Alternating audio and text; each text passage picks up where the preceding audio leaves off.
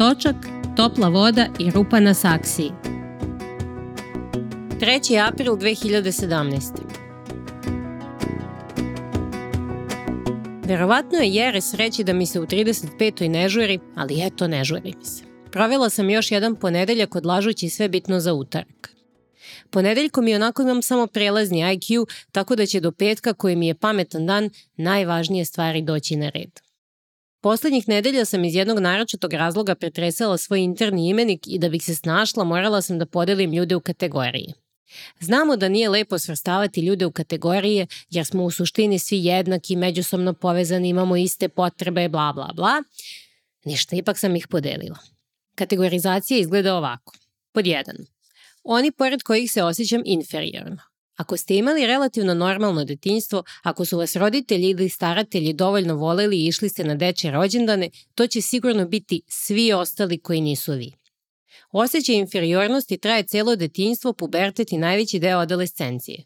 Ako se nastavi i kasnije ako se uskoro ne pojave ljudi pod dva, onda imate problem. Pod dva. Oni pored kojih se osjećam superiorno. Pojavljuju se kao reakcija na pod jedan, a ako ih nema do kraja fakulteta, odnosno do vaše 23. godine, onda imate problem. Ako takvih ljudi ima previše u vašem životu, čini mi se da se u narodu to zove narcizam i da je neizlečivo.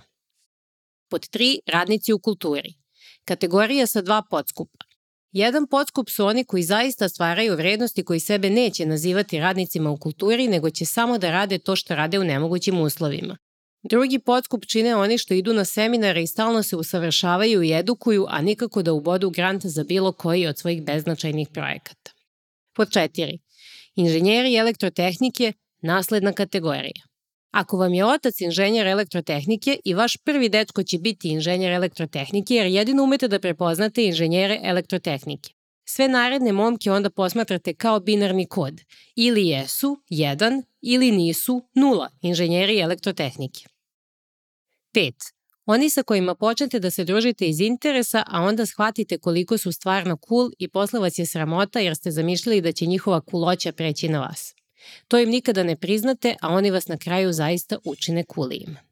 6. Oni koji se upiške od sreće kad vas vide, a vi nemate vremena da se češće družite sa njima. 7. Oni za koje se vi upiškite od sreće kada ih vidite, a oni nemaju vremena da se druže sa vama. I 8. Tetka Nena i tetka Smilja, moja dadilja iz detinstva i naša prva komšenica. Tetka Smilja je lik iz priče o pepeljari, a tetka Nena je opevana u drugoj priči. Njih dve su prevazišle granice ličnosti i prerasle u zasebnu kategoriju. Ovakvu preglednost u životu nisam osjećala još od časova biologije kad smo učili klasifikaciju kičmenjaka. Do nedavno sam lutala i poprimala oblik ribe, vodozemca ili gmizavca u zavisnosti od toga na koga naletim, ali sada mogu mirno da spavam, moj svet je konačno organizovan. Slušali ste odlomak iz knjige Točak, topla voda i rupa na saksiji Nevene Paunović.